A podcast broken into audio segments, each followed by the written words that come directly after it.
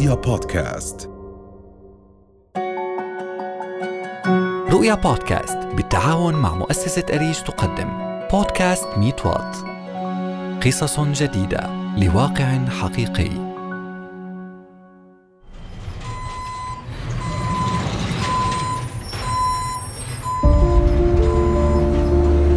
مع التزايد المضطرد لإعداد المواطنين واللاجئين في الأردن تضاعفت كميات النفايات الصلبة وغير الصلبة في السنوات الأخيرة دون الاستفادة منها مثل الكثير من الدول التي خطت خطوات واسعة بإقامة مشروعات كبيرة لإعادة التدوير حيث تبلغ نسبة التدوير في الأردن 15% من حجم النفايات المنتجة. إعادة التدوير هي أحد أجزاء الاقتصاد الدائري. يمكن استغلالها وتحويل المادة العضوية إلى طاقة كهربائية. فما هي الجهود المبذولة للاستفادة من النفايات؟ وما هي التشريعات المنظمة والجهة الإدارية المسؤولة عن إدارة ملف إعادة التدوير؟ وكيف يمكن الاستفادة من النفايات العضوية كمصدر للطاقة؟ أثارت كميات النفايات الحاسة البيئية لدى بعض الأفراد في المجتمع الأردني للعيش في أردن نظيف. فقاموا بإطلاق عدة مبادرات لتدوير النفايات والمخلفات ضمن هؤلاء امل مدانات فماذا كانت دوافعها لإطلاق تلك المبادرة؟ وما هي النتائج التي وصلت إليها؟ سألت حالي إنه هل بقدر أنا ك...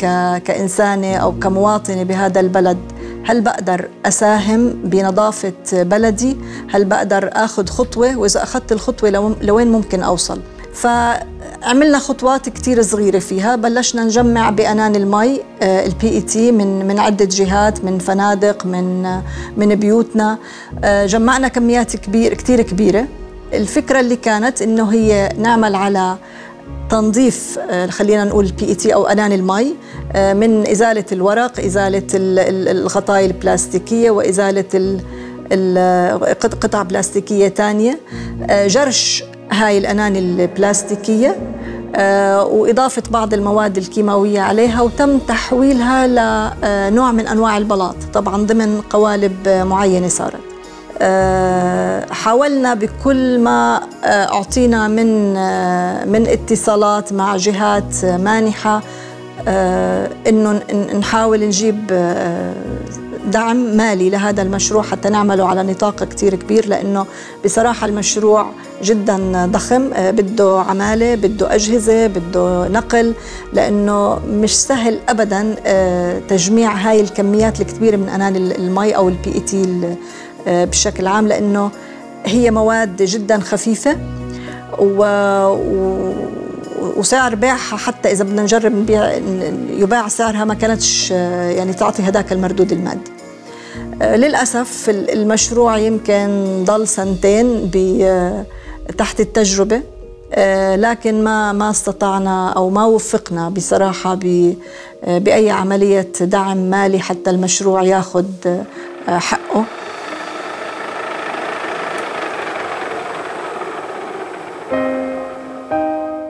حاولت أمل مدانات وحققت نجاحا جزئيا.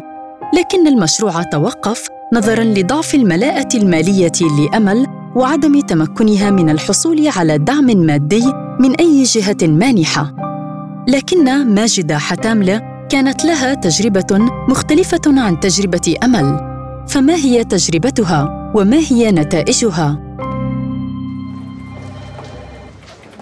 في أحد المرات كنت في أحد الدوائر الرسمية بعمل براءة الذمة للتخرج ففي كان موظفة بتطبع لي الكتاب عشان أوجهه لرئيس الجامعة من هاي الدائرة. فالموظفة أخطأت أكثر من مرة يعني أخطأت كثير. كانت كل ما تخطأ تروح على رئيسها تورجيه الكتاب يحكي لها لا غيري.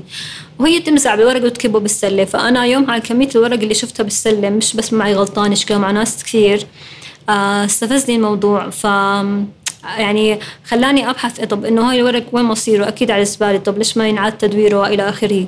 مبادرة جوري سايكل بال 2019 شاركت في آه، تدريب أو لابتكار رقمي إنه نطلع بحلول رقمية لمشاكل بتواجه الشعب الأردني. آه، كانت المشكلة اللي تبنيتها أنا موضوع التدوير. طلعنا بقى حل الحل اللي أنا كنت متبنيته اللي هو تطبيق أو website إلكتروني هدفه يكون هو كان هدفه إنه نعمل إعادة تدوير للنفايات الصلبة بالأردن. بس لما عملنا دراسة جدوى الموضوع اكتشفنا إنه بده رأس مال كبير. لأنه بحاجة نستأجر مثلا فانات ونوفر عمالة وإلى آخره. فلأنه ما كان في دعم وقتها سيولة مالية حولنا لمبادرة. هدفها آه، توعية الناس ونبلش ببناء ثقافة على التدوير في الأردن. تحول مشروع جو ريسايكل الذي كان يسعى للقيام بعملية تدوير للنفايات إلى مجرد مبادرة توعوية تهدف إلى رفع مستوى وعي المواطنين لأهمية إدارة النفايات من خلال موقع على الإنترنت وذلك لنفس السبب الذي أعاق مشروع أمل مدانات فكان علينا الذهاب إلى أحد المسؤولين الحكوميين عن ملف حماية البيئة في أمانة عمان الكبرى المهندس أسامة أبو رمان رئيس قسم حماية البيئة. لنتعرف على أهمية إعادة التدوير وما هي المعوقات التي تعترض الاستفاده المثلى من النفايات؟ إعادة التدوير هي أحد أجزاء الاقتصاد الدائري. الاقتصاد الدائري اللي هو reuse و recycling وأيضا بيعمل على إعادة تدوير إما بإعادة الاستخدام أو بإعادة تدوير إعادة الاستخدام نستخدم الشغلة ونقدر نستفيد منها ولكن إعادة التدوير هو عملية الفرز إما من المصدر أو الفرز في المواقع التجارية أو المولات أو المصانع وإعادة استخدام المواد مرة أخرى كمواد خام لإنتاج مرة أخرى. عمان هي أكثر المواقع اللي تخرج نفايات في في المملكة نخرج تقريبا 3000 طن وذلك أمانة عمان هي اللي تدير العمل البيئي وهي مالكة نفايات اللي تخرج من من المواقع. يوجد عوائق حقيقة عوائق ومخاطر تواجه عملية إعادة تدوير بالأردن وأهمها وعي المواطن القوانين وعدم وضوح استراتيجية لخمس سنوات أو عشر سنوات واستشراف للمستقبل إنه ممكن يكون في إعادة تدوير قديش ممكن يكون نتائجه وتذبذب السعر الموجود حاليا في السوق. عدم الوعي وعدم وجود استراتيجية حكومية هي الأسباب الرئيسية التي تقف عائقا أمام الاستخدام الأمثل للنفايات. فما هي الجهة المنوطة بعمل التشريعات وإصدار الاستراتيجيات وإطلاق حملات لتوعية المواطنين وتشجيع الاستثمار لإقامة مشروعات كبرى لإعادة التدوير؟ لم نجد أفضل من السيدة هبة زعبلاوي رئيسة قسم إدارة النفايات الصلبة في وزارة البيئة للإجابة عن تلك الأسئلة. وزارة البيئة هي وزارة رقابية إشرافية ودورها في مجال إدارة النفايات الصلبة هو آه، بيتمثل في الإطار التشريعي لإدارة النفايات الصلبة يعني نحن كوزارة مسؤولين عن إصدار كل الأنظمة والتعليمات اللي إلها علاقة بعملية إدارة النفايات الصلبة الدور التنفيذي بالعادة بيرجع لوزارة الإدارة المحلية البلديات الأمانة القطاع الخاص إلى آخره لكن كإطار تشريعي هو من مسؤولية وزارة البيئة. طبعا وزارة البيئة بهذا الصدد قامت حديثا بال 2020 صدر عنا القانون الإطاري لإدارة النفايات وبيحكي عن النفايات الصلبة وكل أنواع النفايات. وضعت هذا القانون هذا القانون هو رقم 16 لسنة 2020 بهذا القانون حددت مين هي الوزارات والجهات والمؤسسات المعنية بعملية إدارة النفايات يعني قامت بتوزيع المهام. كل حسب أنواع النفايات. يعني لما بنحكي مثلا نفايات زراعية عم نحكي هذا دور مسؤولية وزارة الزراعة عم نحكي عن طبية عم نحكي عن وزارة الصحة. حددت في هذا القانون علشان يكون المهام واضحة وموزعة وفي توزيع للمسؤوليات. هذا كله وضع في القانون الإطاري لإدارة النفايات. كمان في القانون الإيطالي انحكى على موضوع العقوبات والمخالفات حكى على موضوع الرمي العشوائي وهذا برضه من دور وزارة البيئة. تختص وزارة البيئة بإصدار التعليمات والتشريعات الناظمة والقوانين الخاصة بالتعامل مع النفايات وفق هبة الزعبلاوي. إلا أن بحثنا كشف عن وجود إدارة خاصة بإصدار التراخيص والموافقات البيئية لشركات ومصانع إعادة التدوير داخل وزارة البيئة. يتولى إدارتها المهندس فواز الكراسنة. فتوجهنا إليه بسؤالنا هل ينتهي دور وزارة البيئة عند إصدار التشريعات والقوانين والتعليمات فقط؟ أم أن للوزارة دورا آخر في عمليات إعادة التدوير؟ دور وزارة البيئة متشعب جدا في موضوع منح الموافقات البيئية لمصانع إعادة التدوير لأنه زي ما بنعرف إحنا مصانع إعادة التدوير آه، أكثر من نوع وأكثر من قطاع. فالخطوة الأولى لإقامة أي مشروع تنموي إن كان في إعادة تدوير أو غير إعادة التدوير هو الحصول على الموافقة البيئية اللازمة.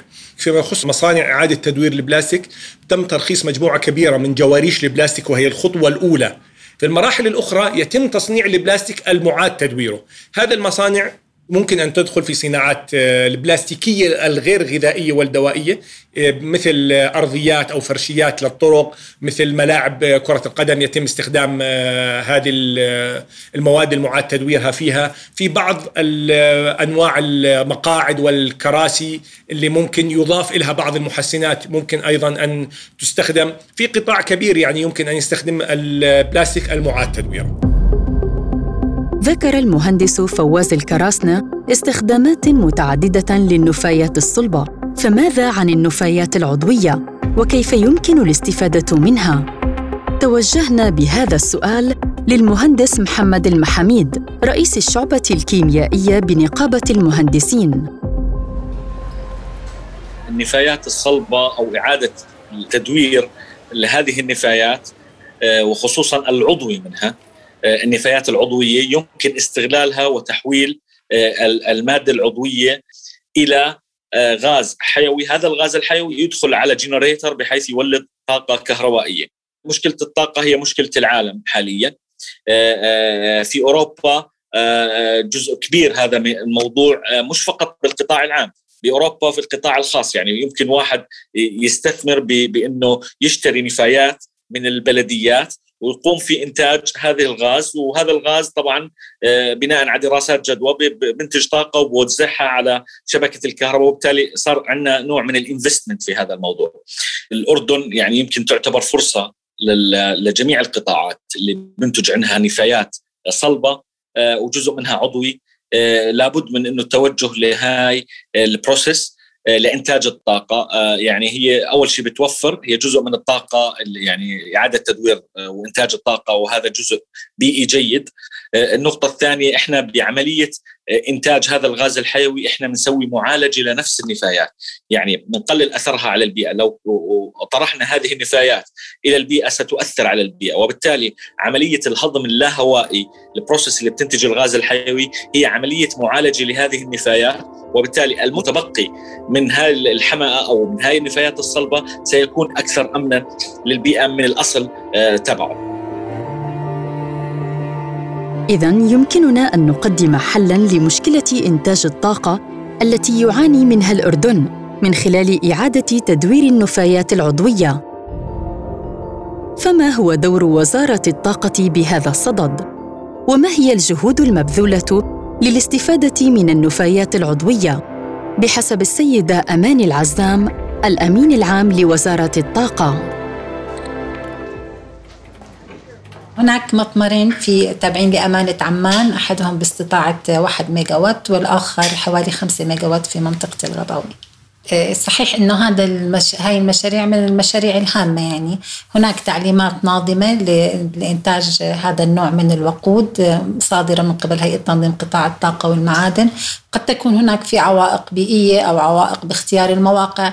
بالنسبة لنا يعني بصراحة أكثر العوائق هي كلفة إنتاج الطاقة الكهربائية من مثل هاي المشاريع. لابد أن تكون كلفة إنتاج الطاقة منها منافسة للمشاريع الأخرى البديلة. آه، لكن يعني أعتقد أنه هاي المشاريع هي بيئية بالدرجة الأولى وبالتالي فإن أي منتج آخر هو يكون منتج جانبي آه، والهدف الأساسي هو الهدف البيئي.